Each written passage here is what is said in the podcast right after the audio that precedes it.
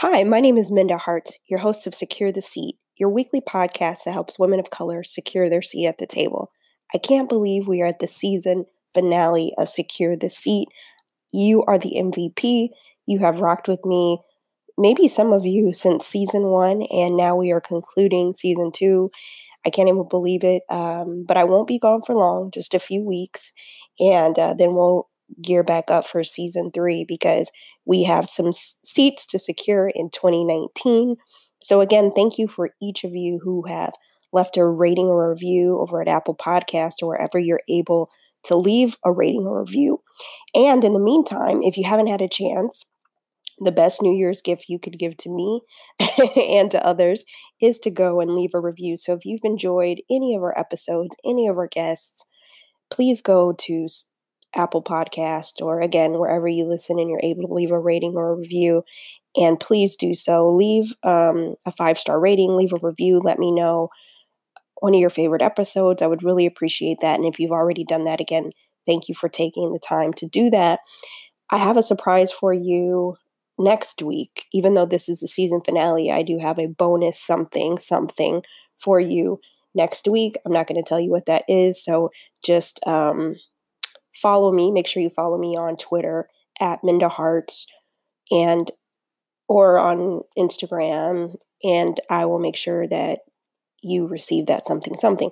But the awesome thing about today to close out season two of Secure the Seat, I have an amazing guest, and you may know her, but if you don't, this is you're gonna be blessed by by getting her in your your your pocket as a mentor uh, because oftentimes we think of mentorship as this formal situation like check the box yes or no will you be my mentor? But sometimes we have to utilize our online resources and tools to build our mentorship board and so i know that you're going to want to add this guest to yours.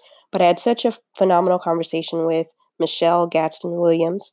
She is a award-winning global diversity expert she also launched um, businesses. She is an entrepreneur, but currently um, she is a managing director at Accenture. And you're going to find out more about her in her own words. But she has a new book out called Climb, and it's taking every step with conviction, courage, and calculated risk to achieve a thriving career and a successful life. And she is a black woman. And so she knows about the climb because she's done it.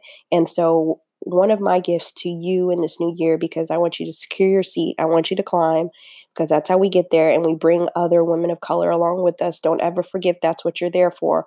If you ever forget your why, look around the room. If there's not other people that look like you in that room, figure out how to get them there.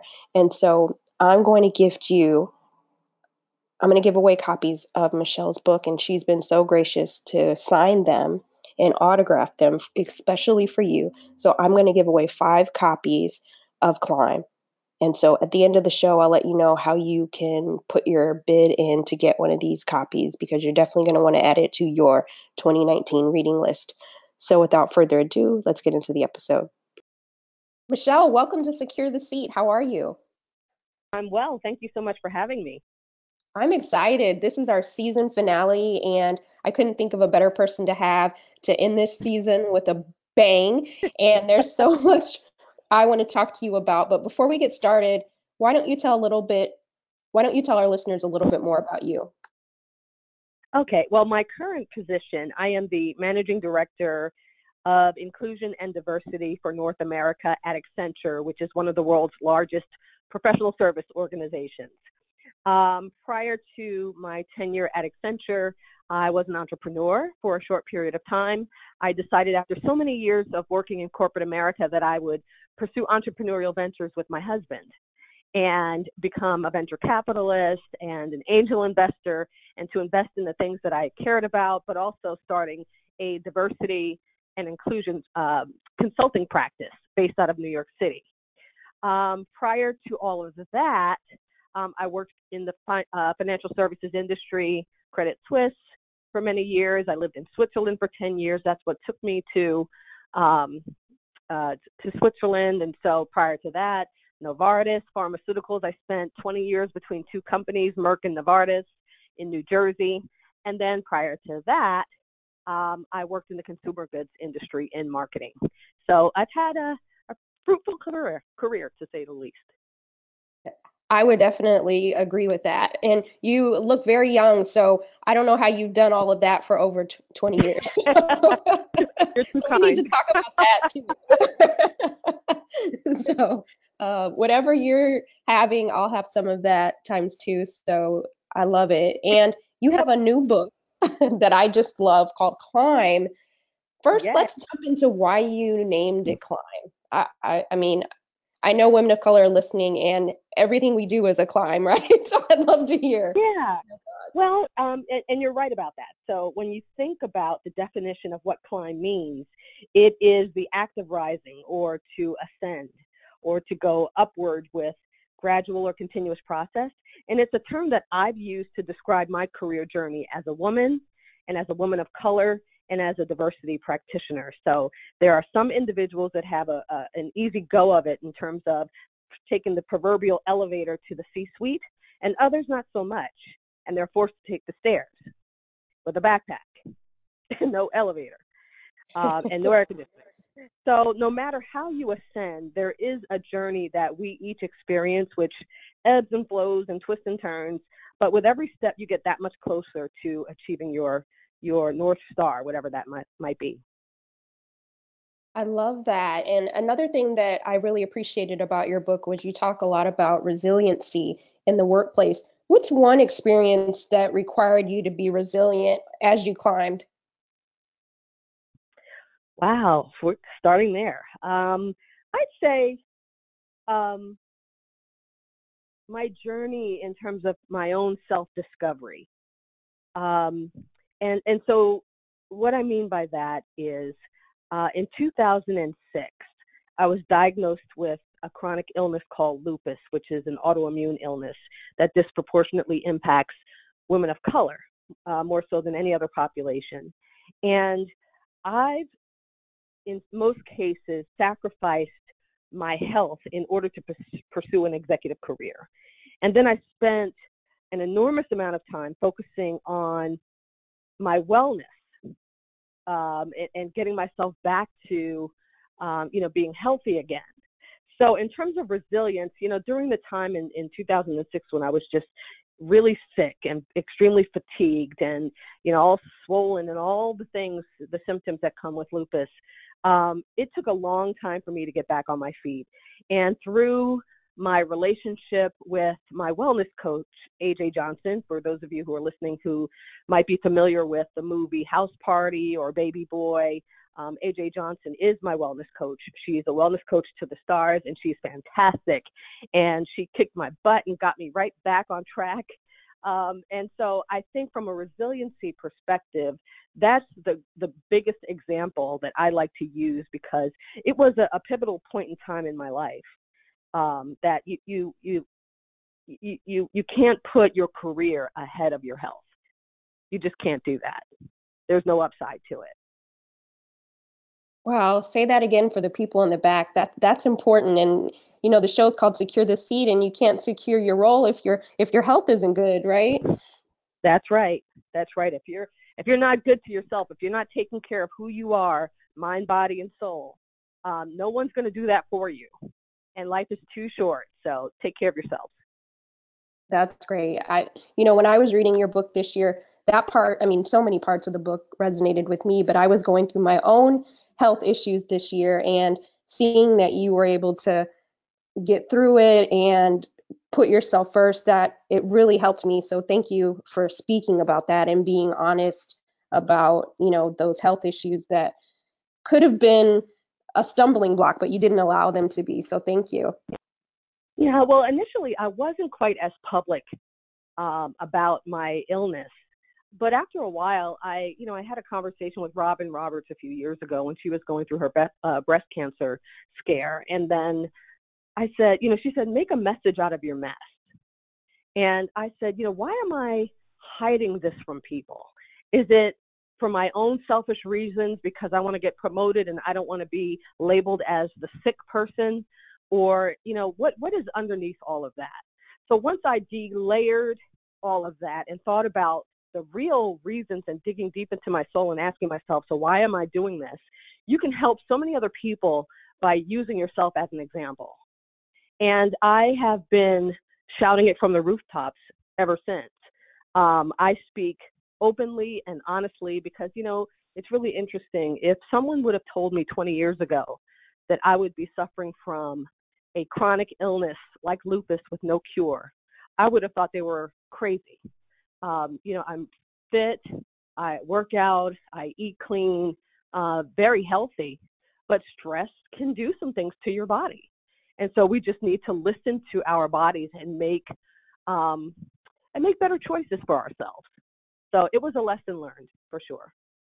Yes. Well, thank you for that. And it, it makes me think about as you were building your career, dealing with some health challenges, you also had a life outside of work. How do you factor in having a partner and building your career?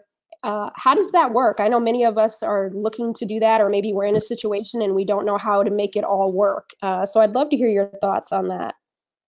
Well, they say um, ambitious people often marry ambitious people. And 25 years ago, I found my life partner and my husband, David, who also shared similar aspirations, goals, and dreams. And whomever said you can have it all, I, I violently disagree. Maybe some can, but that's something that I have not been successful at. And I was adamant about having a successful career. And I remember on our first date, I recall reciting how I wanted to be this successful global vice president and travel to all these places, and I wanted to be at C suite level and all of that. But what I didn't fully understand was what it would entail or the sacrifices and the concessions that I would have to make in order to achieve all of that. Uh, David was and still is my biggest supporter. And when we moved to Switzerland, he retired from a 22, 22 year distinguished career at AT&T so that I could realize my dream. And I, I, I found it quite challenging to balance both career and being a wife. And I was succeeding professionally, but failing in other aspects of my life. You know, my parents and my family weren't seeing me much. I was having trouble and difficulty managing my health. And I recall fondly when my husband surprised me with a, a vacation to Monaco one year. It was our anniversary. And we were both excited to go and all of those kinds of things. And I was um, celebrating another promotion on this trip at the same time. But I made the mistake of bringing my BlackBerry with me. Actually, I had a BlackBerry and two cell phones. Oh, and I was wow. on I know, right? Remember BlackBerries? Um, I was on my BlackBerry constantly. And finally, David looked at me and said, are, are you on vacation with me? Or are you planning to work the entire time? And I, I looked at the disappointment in his eyes. And it was from that point on that I decided that my husband comes first before my career. He sacrificed so much for me. The least that I could do was to be present for him and give him my undivided attention. And so since then, I've decided to focus on what matters most, and that's David. So sometimes, you know, you you have to learn, you have to go through these experiences and learn how to reshift and reprioritize. I, am over here just taking notes, right? that that's very important. I think many of us early in our career we think that it's all about the you know how that song is all about the bass. It's all about the work and it's okay to have a life outside of work and invest in our relationships as well if we want them to last right? Exactly. Exactly. Thank you for sharing that. And and also part of being a woman of color in the workplace, sometimes we the, are the only ones. and I love that you talk about being a woman of color in the workplace, being a Black woman specifically. But what's a couple of tips that you could give to help other women not lean out? I believe we we just have to have the courage to ask for what we want. Um, our colleagues do, our Caucasian sisters do, our white male counterparts do. And sometimes I think we take we're we're very cautious um, and we tread lightly around these conversations around salary and promotion and you know getting to that next level. We you have to be able to articulate um, crisply and succinctly what you want. Um, otherwise, you know, I've been in those rooms and I still am in those rooms where the decisions are being made about people, talent conversations, talent reviews, calibrations, and all those kinds of things. And you'd be surprised what people will say about other people. Um, if they don't know the answer, they may even you know assume make assumptions about what it is that you want for your career. Oh she's 30 well um i think she wants to have a family so maybe a global assignment might not be the right thing for her right now. When in fact that individual could very well want to go global. So i think that we just need to be extremely crisp articulate and courageous to ask for what it is that we want. Um, i also think that I call it flying stealth or below the radar, not an option.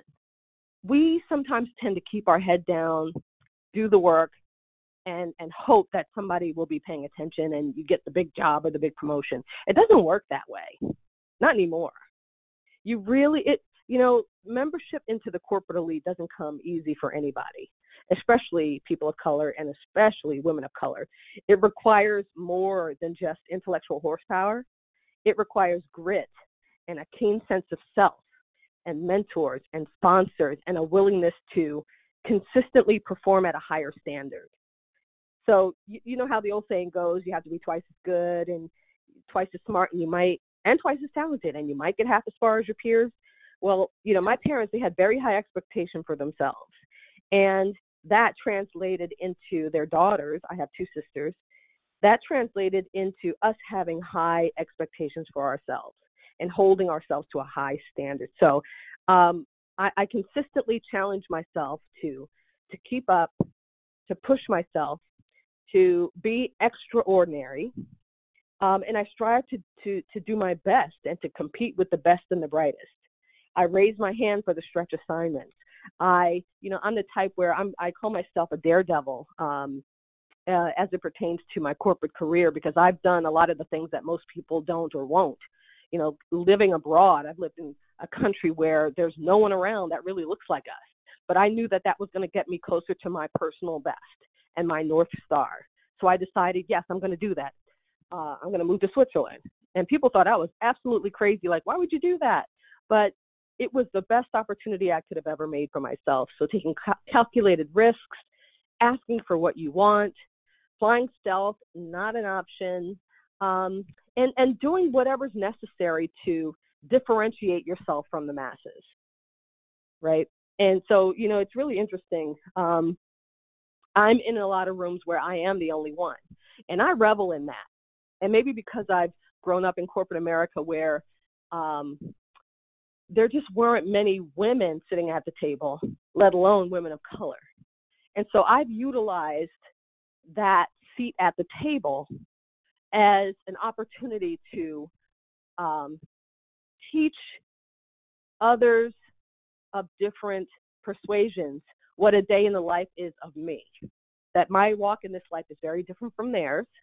And so when they're leading and engaging with others, other aside from themselves or different from themselves, that they have to take into account that he or she have other life experiences and things that happen outside of the workplace that could very well be burdens that they come to the workplace with.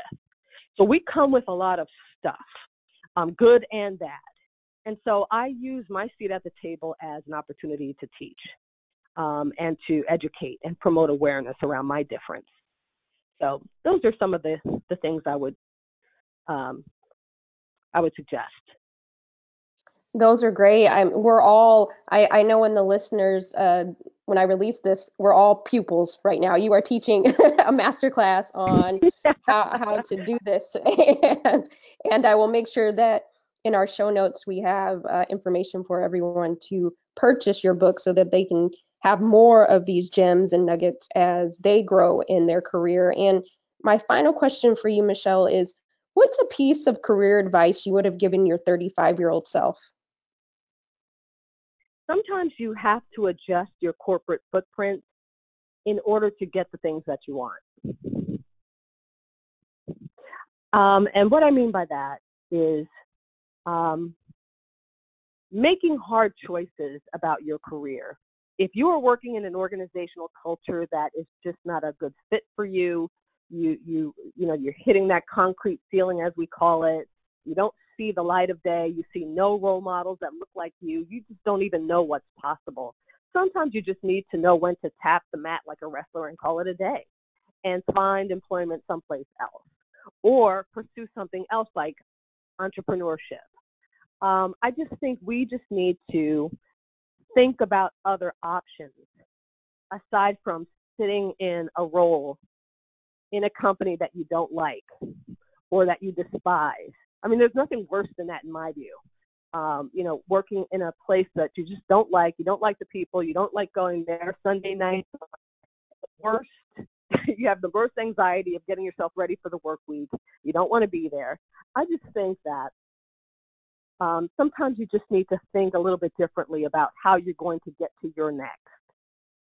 And that might mean doing something out of your comfort zone. You know, one of the best books I've ever read recently was Shonda Rhimes' Year of Yes. Mm-hmm. You know, she writes, she talks about doing all the things that made her uncomfortable. She's a severe introvert, and how it took a lot for her. She would have panic attacks and all kinds of anxiety speaking in front of a public audience and how she forced herself for one year to do all the things that scared her. I, I think we we as women of color need to do more of that. That's to great be courageous advice. And to take risks. Um, because you never know, you know, what's on the other side of that. You, you never know. But of course, do your homework and, and other things and prepare yourself for, for those changes. Absolutely. I love how you said sometimes we just have to tap the mat and, and call it one and not be afraid to to do that. That's important. Exactly. Yeah, especially as we go into a new year, like don't sit there and like dwell, have that anxiety and let that take you from Monday to Tuesday to Wednesday. Like figure out a game plan if that's not where you should be. So thank you for for touching on that. Absolutely. And lastly, uh, I have two bonus questions for you, and I can't let you get out of here without asking them because I am a lover of grits and rap lyrics. and uh, the my too. Yeah, good, good. Wait, I have to ask: Are do you put salt or sugar in your grits? Salt. I knew, I knew we had a connection way before, but yes, salt is the right answer. salt is the right answer. no, it is definitely right salt. Okay, good, good, good. Um, but what is your favorite rap lyric and why? Well, my favorite rap artist is Jay Z, um, and there's a a lyric in his um, his song "Anything," and it goes something like a, me think about it for a second the world is yours. Don't listen to your crew. Do what works for you. Standing back from a situation gives you the perfect view. The world is yours. I just there's just something about that that it, it just speaks to me in my career and when i mentor other young women who look like me or other women period you know take a step back and look at your life are you doing the things that you've been called here to do? You know, one of the things that my father would always tell my sisters and I growing up is, you know, you are not here to take up space. You're here to make a difference, and it's up to you to determine what that difference is.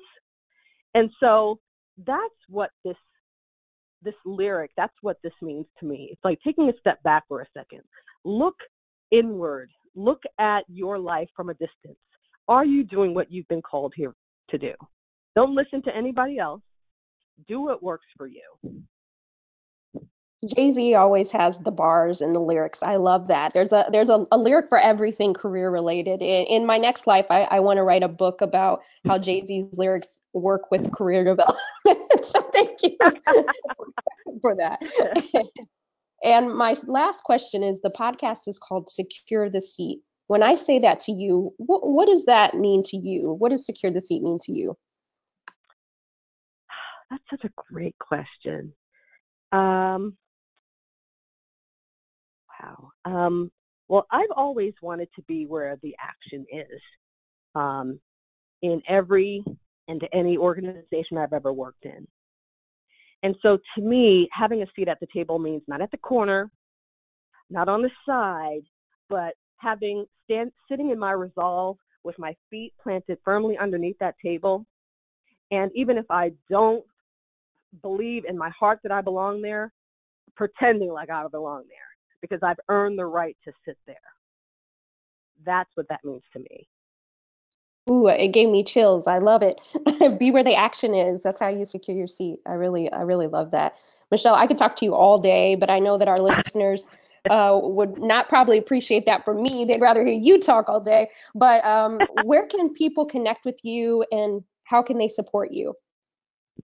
Ah, well, my book is sold where all fine books are sold, from Amazon.com to BarnesandNobles.com. Uh, every anywhere books are sold, it's, it's available. Um, and if you want to get in touch with me, I can be reached at m Gadsden G A D S D E N dot Williams at gmail dot com. That's the best way to reach me. Great. I'll make sure that um, you can find the book on the website, but as Michelle said, you can go anywhere where books are sold. But one thing that I'm going to do for our season finale is give away five books to our readers, and I'll tell you how to put your bid in for those books. And I'll try to ask Michelle, if if possible, if I can get her to autograph them, so then we can sweeten you the deal a little bit. I will autograph the book. And awesome. Message uh, to uh, the winners. So would love to do it. Thank you for joining this week's episode of Secure the Seat, your weekly podcast that helps women of color secure their seat at the table. That was an awesome episode with Michelle. Make sure that you connect with her, support her. You can go to the show notes at mindaharts.com and find out how to do that by connecting with her. I've linked her Twitter page and a way for you to purchase the book.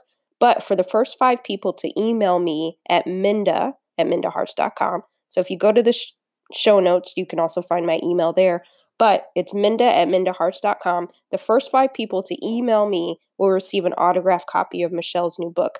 So once those five emails hit the inbox, I cut it off. But for those who don't get a chance to get the autographed copy, you can still support a fellow woman of color in the workplace by supporting her book. And she's speaking at a host of different places this year. One Black Enterprise Women of Power Summit, so you can catch her there.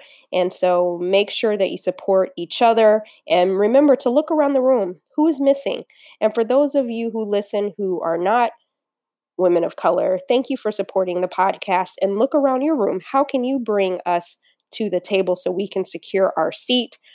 This has been a phenomenal season. If you are just finding secure the seat, make sure that you go back. There's so many awesome and dope women who have dropped countless gems and resources for you. So, season one, great guests. Season two, phenomenal guests. And I can't wait for you to hear season three. Uh, I will be recording that in the coming weeks. And so, we may not connect weekly like we do with Secure the Seat, but I will be back in a couple weeks. And I want you to know that I appreciate your listening. I appreciate every review, every email, every direct message, every post on social media. If you shared this podcast, it means so much. I started this podcast seven months ago and I wasn't sure who it would resonate with or if it would help, but I hear from you. And I'm just happy that you're learning and growing and able to secure your seat and prepare for that seat. So, in the meantime, make sure that you go over to myweeklymemo.com and find ways to get plugged into the community at the memo. And again, in over the next few weeks during the short break of Secure the Seat podcast, you can find me on Twitter at Minda Harts. That's where I'm most active. I'm gearing up to teach my first course at NYU Wagner in a few weeks. And so I just need to kind of put pause on a couple of things to make sure that I'm securing my seat in that way. So again, the Women of Color Equity Initiative, that's still live. And so there's ways that we can still engage. I'm looking out for you, rooting for you. Happy New Year. Uh, I don't know if you believe in resolutions, but what I do know is commit to yourself, commit to be great, commit to put yourself in the right places, in the right seats, around the right people, and make this year the best year for you. All right, have a great week and I'll talk to you soon.